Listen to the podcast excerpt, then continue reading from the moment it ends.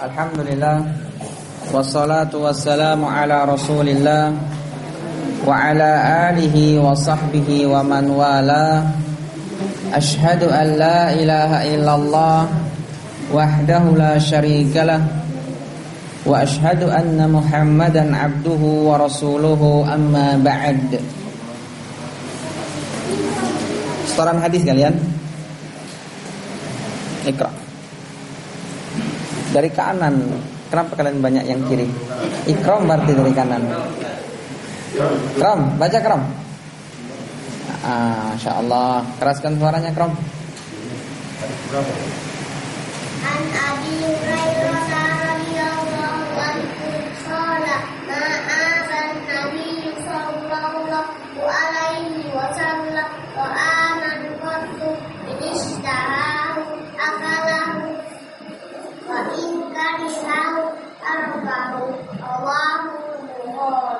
Masya Allah. Ahsan.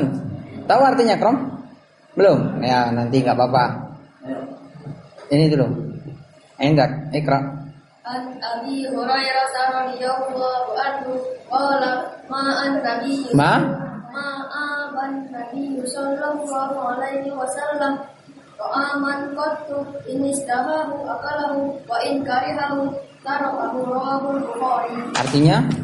dari Abu Hurairah radhiyallahu anhu beliau berkata Rasulullah sallallahu alaihi wasallam tidak pernah mencela makanan jika beliau suka beliau memakannya jika beliau tidak menyukainya beliau tinggalkan Ahsan. Naam Ijlis Barakallahu fiqh Hafal Ahmad? Iya Masya Allah Kum dan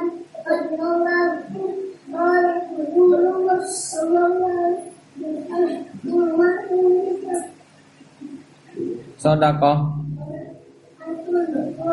Rawal Bukhari. Ahsan. Masya Allah. Indak Ikra Ab- Abdullah عن أبي هريرة رضي الله عنه قال مآب النبي صلى الله عليه وسلم طعاما قط أن إن إن اشتهاه أكله وإن كرهه تركه رواه البخاري Ahsan Artinya Belum Nggak. Labas Ijlis Kum ya An Abi Hurairah radhiyallahu anhu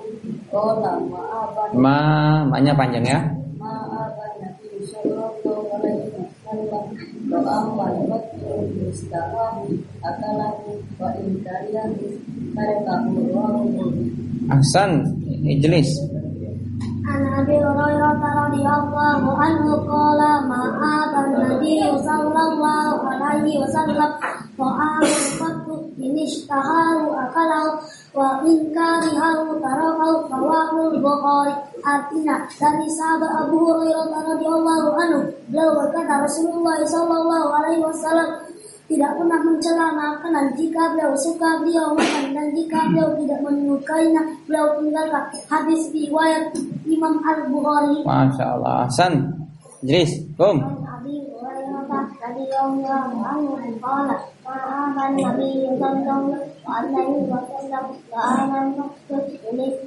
akan wa in kariyahu tahu tahu Ah, ah, Artinya Belum Labas Ahsan Ijlis Alim Ansor mana? Belum datang ya? Hmm. Barakallahu fikum jami'an ahsantum. Tidak lain tujuan kita dalam hal ini agar mereka mencintai hadis Rasulullah Sallallahu Alaihi Wasallam. Kita mulai dari hadis-hadis yang pendek dulu. Nanti setelah mereka sudah terbiasa dengan hafalan hadis, kita pindah ke yang lebih yang lebih banyak lagi, yang lebih panjang lagi seperti hadis arba'in, an-nawawiyah. Setelah dia terbiasa dengan hadis ini nanti pindah lagi, pindah lagi, pindah lagi. Mudah-mudahan harapannya hafalan mereka banyak. Hafalan hadis mereka banyak. Kalau bisa hafal suatu kitab yang di sana terdapat hadis semuanya. Walhamdulillah. Seperti Sahihul Bukhari, masya Allah. Kalau ada yang hafal di zaman kita Sahihul Bukhari luar biasa. Banyak, sangat banyak, apalagi disertai dengan sanatnya. Maka untuk anak-anak kita kita biasakan dengan hadis yang pendek dulu. Karena kebiasaan anak-anak kalau langsung panjang, kebiasaan mereka mulai datang malal, bosan dan seterusnya. Maka kita awali dengan hadis-hadis yang pendek dulu. Nanti insya Allah baru kita pindah ke hadis yang lebih panjang lagi. Barakallahu fikum jami'an.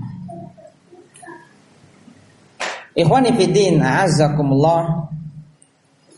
Kita bersyukur kepada Allah Subhanahu wa taala di kesempatan yang berbahagia ini kita bisa berkumpul bersama-sama dalam rangka mengkaji ilmu agama, menuntut ilmu dan kita bersyukur pula Allah Subhanahu wa taala jadikan kita min talabatil ilm dari kalangan penuntut ilmu. Senantiasa menjadi penuntut ilmu.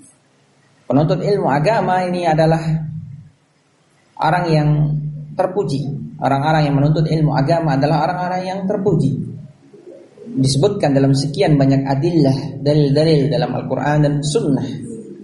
Maka kita bersyukur kepada Allah Subhanahu wa Ta'ala pada saat ini masih memudahkan kita untuk hadir di majelis ilmu, majelis yang penuh berkah, majelis yang tidak ada kejelekan di dalamnya, majelis yang dipenuhi dengan kebaikan. Pada kesempatan hari ini kita akan sampaikan beberapa faedah yang berkaitan tentang ta'awun. Kita murojaah sama-sama lagi apa yang telah kita dapatkan di daurah kemarin. Kita murojaah, kita ulang-ulang kembali faedahnya. Sungguh faedahnya sangat sangat berharga, sangat bagus sekali faedah-faedah yang kita dapatkan di daurah kemarin. Kalau mau kita mulai dari kitabul buyu lumayan panjang pembahasannya. Kita ambil yang lebih ringkas, yakni pembahasan tentang ta'awun. Subhanallah, faedahnya luar biasa banyak sekali. Kita merojaah apa yang telah disampaikan oleh beliau Al-Ustaz Afifuddin Hafizahullah Ta'ala dalam pelajaran-pelajaran yang disampaikan oleh beliau ketika daurah kemarin. Min a'zamil usuli fil Islam at-ta'awun 'alal birri wat taqwa. Di antara prinsip yang paling besar, yang paling agung di dalam al-Islam adalah at-ta'awun 'alal birri wat taqwa. Tolong menolong, bahu membahu di atas kebaikan dan ketakwaan. Ta'awun itu maknanya adalah tolong menolong, bahu membahu. Ini makna ta'awun secara bahasa, saling tolong menolong. Kama fil Maidati sebagaimana disebutkan di dalam surat Al-Maidah ayat yang kedua, Allah Subhanahu wa taala berfirman, "Wa ta'awanu 'alal birri wat taqwa." Tolong menolonglah kalian untuk melakukan kebaikan dan ketakwaan. Wala ta'awanu ismi wal dan jangan kalian tolong menolong untuk melakukan perbuatan dosa dan permusuhan. Di dalam ayat yang mulia ini ayat yang singkat namun penjabarannya panjang, penjabarannya luar biasa, faedahnya juga luar biasa. Allah Subhanahu wa taala perintahkan kita untuk saling tolong menolong di atas kebaikan dan ketakwaan al aslu fil amri lil wujub. Dalam kaidah usul fikih disebutkan hukum asal dalam perintah adalah lil wujub bermakna wajib. Sehingga wajib bagi kita semua untuk tolong menolong dalam melakukan kebaikan dan ketakwaan. Namun sesuai dengan kemampuan berdasarkan firman Allah Subhanahu wa taala yang lain fattaqullaha mastata'tum bertakwalah kalian kepada Allah sesuai dengan kemampuan kalian. La yukallifullahu nafsan illa wus'aha Allah tidak membebani jiwa di luar kemampuannya dan dalil-dalil yang lain. Di sini memberikan faedah bahwa tolong menolong di atas kebaikan dan ketakwaan hukumnya wajib. Wajib sesuai dengan kemampuan masing-masing per individu Wala ta'awanu 'alal itsmi wal 'udwan. Allah Subhanahu wa taala mengatakan dan janganlah kalian tolong menolong untuk melakukan perbuatan dosa dan permusuhan. Dilarang oleh Allah Subhanahu wa taala untuk melakukan perbuatan dosa dan permusuhan. Demikian pula tolong menolong dalam perkara tersebut dilarang oleh Allah Subhanahu wa taala. Ini mencakup mencakup tolong menolong dalam setiap perkara kebaikan, setiap perkara ketakwaan. Demikian pula mencakup tolong menolong dalam setiap dosa dan permusuhan dilarang yang demikian itu. Misal seorang ingin melakukan perbuatan dosa, ambil contoh seperti minum-minuman keras. Tidak boleh bagi kita yang mengetahui itu untuk membantu dia dalam melancarkan perbuatan dosa yang dia lakukan. Dalam segala hal, dalam bab pertemanan, dalam bab jual beli juga demikian. Misal seorang ya pedagang dia penjual pisau. Jualannya pisau, pisau, parang, pedang. Jualannya ini. Ada orang datang ingin beli pisau. Pak, saya mau beli pisau untuk bunuh adik saya. Boleh enggak dia kira-kira jual pisaunya? Ini pisau yang mahal nih. Ya, yang mahal yang bagus, untungnya besar. Boleh atau tidak?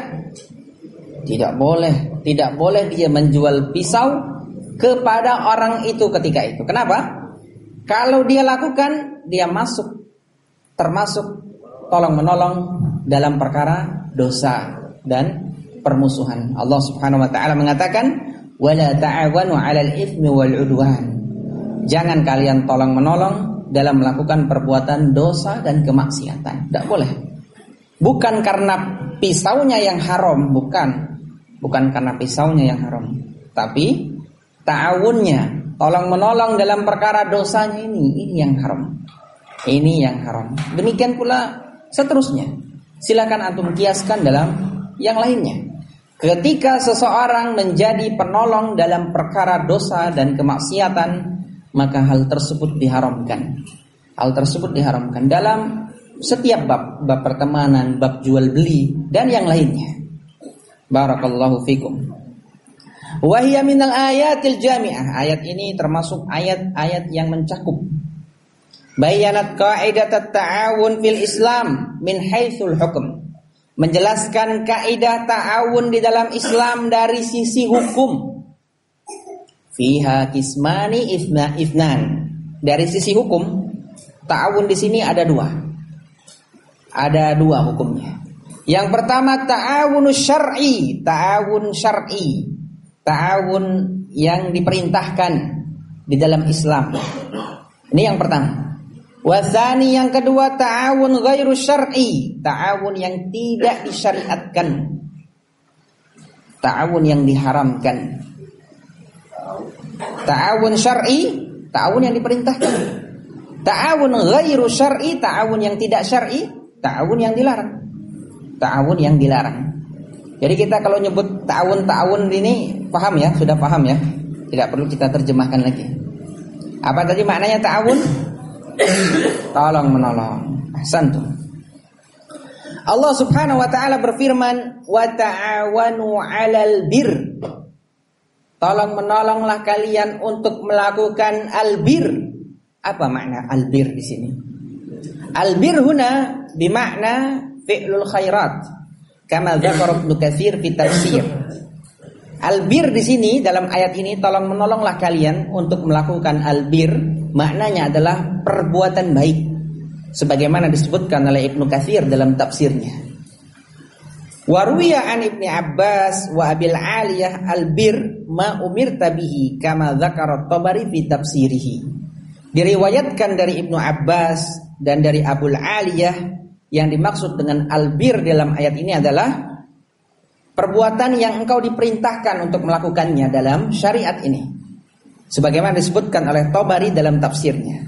Sehingga wa ta'awanu 'alal bir maknanya adalah tolong menolonglah kalian dalam perbuatan baik, dalam apa saja yang kali kalian diperintahkan untuk melakukannya dalam Islam.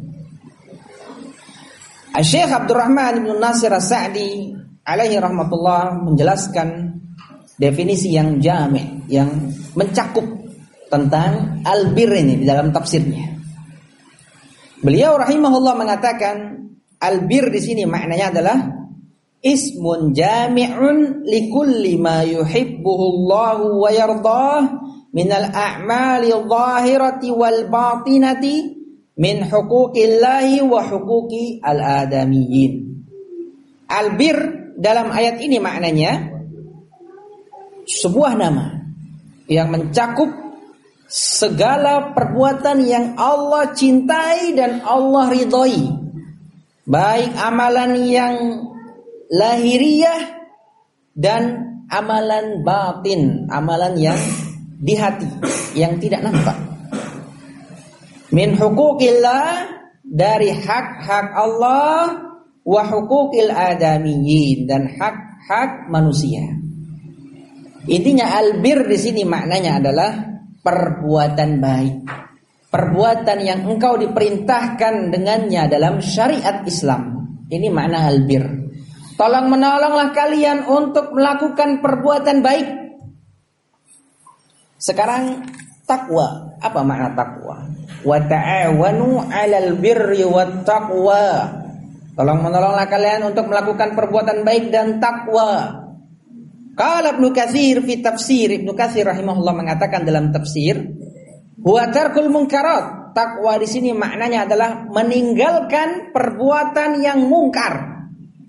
Meninggalkan segala perbuatan yang mungkar. Ini makna takwa.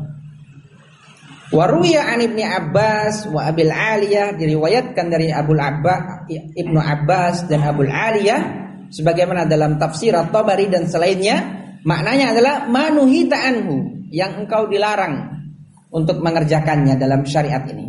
Ini makna takwa. Wa dzakara Syekh As-Sa'di rahimahullah, Syekh Abdurrahman Nasir As-Sa'di rahimahullah menyebutkan dalam tafsirnya adalah at-taqwa di sini maknanya huwasmun jami'. Sebuah nama yang mencakup likulli ma yanhahullah, likulli ma yakrahullah, Ya setiap yang Allah subhanahu wa ta'ala larang dan dilarang pula oleh Rasulnya dari amalan lahiriah dan amalan batin. Ini makna takwa. Segala yang Allah subhanahu wa ta'ala larang. Itu makna takwa dalam ayat ini. Barakallahu fikum. Sehingga maknanya tolong menolonglah kalian untuk melakukan kebaikan dan untuk meninggalkan kemungkaran. Ini maknanya. Subhanallah. Kalau kita lihat tafsir, luas maknanya. Tenang kita dalam membacanya. Karena ditafsirkan, dijelaskan oleh para ulama dari akwal, a'immah, dari pendapat-pendapat para ulama, dari kalam para ulama. Sehingga kita benar-benar memahami Al-Quran itu sesuai dengan bimbingan mereka. Tolong menolonglah kalian untuk melakukan kebaikan dan meninggalkan kemungkaran. Luas maknanya, setiap makna, setiap kebaikan kita diperintahkan untuk tolong menolong. Tolong menolong ketika saudara kita tidak mampu melakukan kebaikan. Kita bantu, kita tolong. Kita tanyakan, apa yang menyebabkan antum tidak mampu melakukan ini? Barangkali di sana ada uzur yang dia tidak mampu mengerjakannya. Barangkali kita bisa membantunya. Sebagai contoh, si ful, si fulan saudara kita misal sudah lama nggak kelihatan. Ke mana dia? Baik didatangi. Datang ke rumah. Apa kabar? Baik alhamdulillah. Ke mana lama tidak kelihatan? Oh saya sakit atau yang semisalnya karena nggak ada kendaraan. Makanya saya tidak datang taklim. Anak bantu insya Allah Anak jemput antum setiap taklim. Ini termasuk dalam ta'awun 'alal bir. Tolong menolong dalam kebaikan. Jemput setiap taklim dijemput kawannya. Mendapat pahala. Mendapatkan pahala dari sisi Allah Subhanahu wa taala. Dia sudah termasuk dalam ta'awun 'alal bir. Ta'awun 'alal bir. Ta'awun dalam kebaikan. Ketika saudara kita tidak mampu melakukan kebaikan, kita bantu, kita usahakan bagaimana dia supaya bisa melakukannya. Itu yang di mana? Itu yang bermaksud itu yang dimaksud dengan ta'awun 'alal bir itu di antara contohnya. Demikian pula ta'awun 'ala taqwa. Tolong menolong dalam meninggalkan kemungkaran. Datang seorang kepada antum mengatakan, "Ana telah melakukan perbuatan maksiat, misal contohnya kita ambil seperti minum-minuman keras dan anak ingin sekali meninggalkan perbuatan ini. Tayyib, anak bantuan. Ayo kita datang ke majelis ilmu. Ayo kita kumpul dengan orang-orang soleh. Jauhi teman-teman yang jelek. Jauhi teman-teman yang memudaratkan antum. Datangi majelis ilmu. Datangi terus teman-teman yang soleh. Sehingga dia berubah menjadi baik. Ini sudah dikatakan ta'awun ala taqwa tolong menolong dalam meninggalkan kemungkaran dan antum mendapatkan pahala dengan sebab itu. Subhanallah. Luas makna ta'awun 'alal birri wat taqwa. Albir perbuatan baik, at-taqwa meninggalkan kemungkaran, meninggalkan larangan. Yang dilarang dalam Islam itu yang pertama kulul kufri bi anwa'ihi kibarihi setiap kekufuran dengan berbagai macam jenisnya yang besar maupun yang kecil.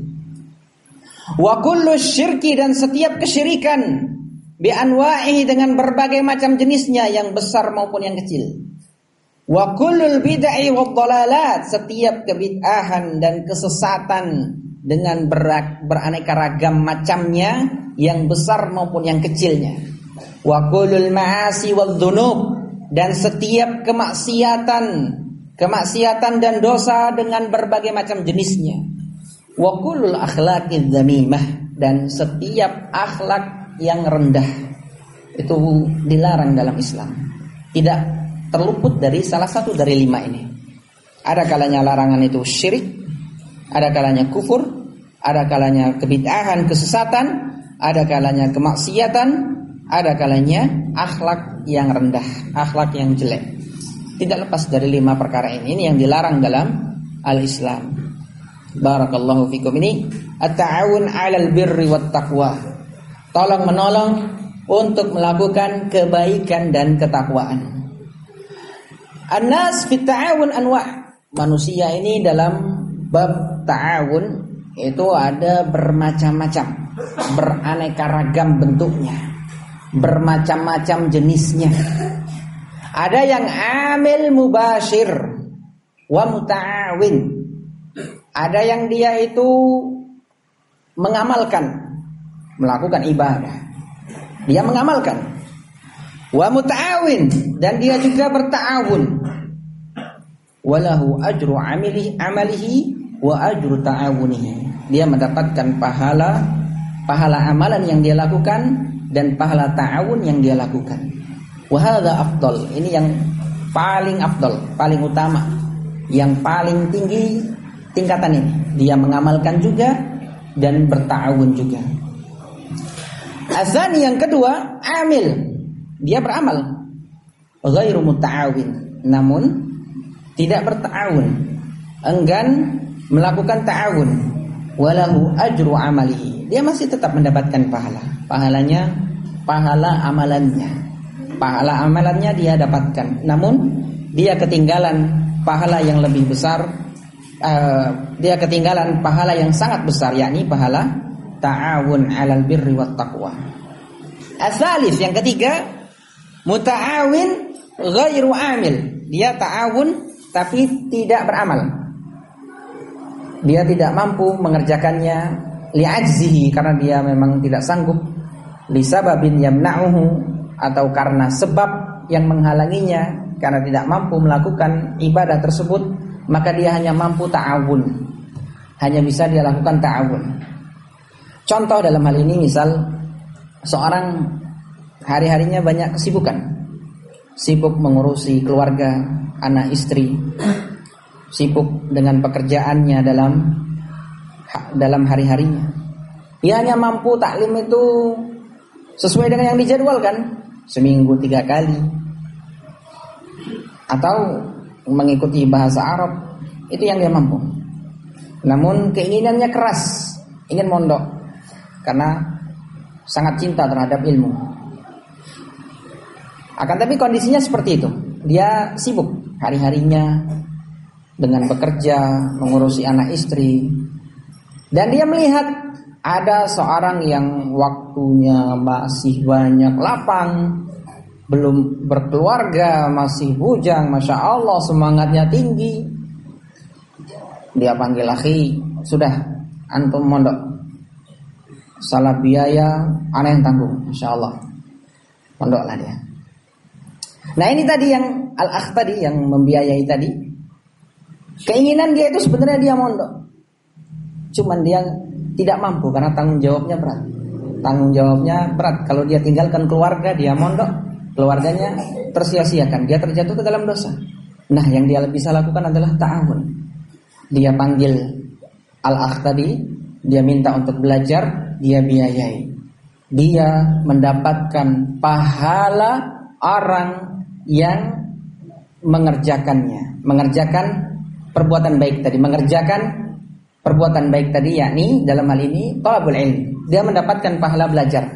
Walaupun dia tidak melakukan perbuatan tersebut, walaupun dia tidak belajar, dia mendapatkan pahala belajar. Kenapa? Karena dia muta'awin menolong orang yang melakukan ketaatan. Orang yang menolong setiap muslim yang melakukan ketaatan mendapatkan pahala semisalnya. Dalilnya adalah hadis yang diriwayatkan oleh Al Imam Al Bukhari dan Muslim. Rasulullah Sallallahu Alaihi Wasallam mengatakan, "Man jahaza fi sabilillahi faqad ghaza." Siapa saja yang mempersiapkan peralatan untuk berperang di jalan Allah dalam keadaan dia tidak ikut berperang, maka sungguh dia mendapatkan pahala berperang. Wa man khalafa ghazian fi sabilillahi bi khairin faqad ghaza dan barang siapa yang menanggung urusan rumah orang yang berperang di jalan Allah dengan baik maka dia mendapatkan pahala berperang padahal dia tidak berperang. Barakallahu fikum. Nah, di sini berdasarkan hadis ini ulama kita mengatakan setiap perbuatan yang membantu orang lain untuk melakukan ketaatan kepada Allah, maka dia mendapatkan pahala semisalnya. Buka puasa, antum bantu itu, saudara antum untuk buka puasa. Antum buka puasa tempat anak aja, makan tempat anak. Antum buka puasa di rumah anak atau di di mana di tempat lain kita, tapi anak yang bayar. Dibayarin ditanggung buka puasa kawannya. Dia mendapatkan pahala pahala puasa. Mendapatkan pahala puasa. Subhanallah. Luar biasa masyarul ahibah. A'azzakumullah inilah keutamaan muta'awin. Muta'awin fi sabilillah. Orang yang menolong di jalan Allah Subhanahu wa taala. Dia mendapatkan keutamaan pelakunya, mendapatkan pahala pelakunya. Dan yang lainnya silakan dikiaskan amalan-amalan yang lain di dalam al-Islam. Dan jenis yang keempat la amil wala muta'awin. Dia tidak beramal, tidak juga berta'awun. Wahada syar yang ini jelek yang seperti ini. Mengamalkan tidak, ta'awun pun tidak. Yang lebih parah lagi, dia beramal tidak, namun mempengaruhi orang untuk tidak melakukan ibadah, untuk tidak melakukan ta'awun. Ini yang lebih parah lagi. Sehingga kalau kita bisa kita di deretan yang pertama. Ini yang afdol. Apa yang pertama tadi? Beramal dan bertawun. Yang kedua? Beramal dan tidak bertawun. Yang ketiga? Bertawun tidak beramal. Yang keempat? Tidak beramal, tidak bertawun. La hadza Tidak ini, tidak pula ini. Enggak ada yang dia bisa lakukan. Nggak ada yang akan dia inginkan untuk melakukan kebaikan. Ya, naudzubillah. Kalau bisa kita urutan pertama, amal, beramal dan juga bertawun. Ini yang kita harapkan. Semoga Allah Subhanahu wa taala jadikan kita dalam golongan ini. Kemudian pula ma'syarul ahibbah, a'azzakumullah min a'malil birril muttafaq 'alaiha 'indal jami' at-ta'awunu fid da'wati. Termasuk dari amalan kebaikan yang disepakati semua yang kita sepakati semuanya adalah ta'awun dalam bab dakwah dan tarbiyah. Dakwah dan pendidikan. Ta'awun dalam bab dakwah. Ini yang sangat penting. Ad-da'watu ila Allah ibadatun minal ibadat al-azimah fil Islam. Dakwah di jalan Allah mengajak manusia untuk berada di jalan Allah, berdakwah ilallah adalah salah satu ibadah dari ibadah-ibadah yang agung di dalam Islam. Termasuk dari ibadah yang agung di dalam Islam, dakwah ilallah. Wa hunaka minad dakwah ma huwa akhassu wa huwa tarbiyatun li abna'il muslimin. Dan dalam bab dakwah ini ada yang lebih khusus lagi yaitu tarbiyah pendidikan terhadap anak-anak muslimin. Hunaka ta'awun fi'li wa hunaka ta'awun qawli. Demikian pula dalam ta'awun itu terbagi menjadi dua, ada ta'awun fi'li dan ta'awun qawli. Ta'awun fi'li artinya ta'awun dalam perbuatan. Misal seperti khidmah, memberikan khidmah seperti gotong royong, dalam bab ini. Gotong royong seperti juga yang lainnya. Adapun ta'awun qauli seperti memberikan nasihat, seperti memberikan arahan, bimbingan kepada saudara-saudara kita. Ini ta'awun qauli. Ayuhal ahibbah a'azzakumullah perlu kita ketahui bahwasanya ta'awun di dalam dakwah ini banyak macamnya. Aksamu ta'awun fid dakwah macam-macam ta'awun dalam bab dakwah. Al-awwal yang pertama adalah at-ta'awunu bil mal, ta'awun dengan harta. Wa hadza min afdalis sadaqah. Ta'awun dengan harta dalam bab dakwah ini adalah termasuk dari sodakoh yang paling afdol, paling utama. Wa minal infaki fi sabilillah dan termasuk infak di jalan Allah Subhanahu wa taala. Li'annahu yukhriju malahu min ajli dakwah. Karena dia mengeluarkan hartanya untuk dakwah. Subhanallah. Kita akan ditanya nanti pada hari kiamat tentang harta kita ini. Min aina tasabahu wa fima anfaqahu. Dari mana dia ambil dan untuk apa dia infakkan. Insyaallah nanti kita lanjutkan ba'dal isya. Jangan dilewatkan masih ada pembahasan-pembahasan yang akan kita lalui lagi. Wa akhiru da'wana alhamdulillahi rabbil alamin. Tafaddalu barakallahu fikum.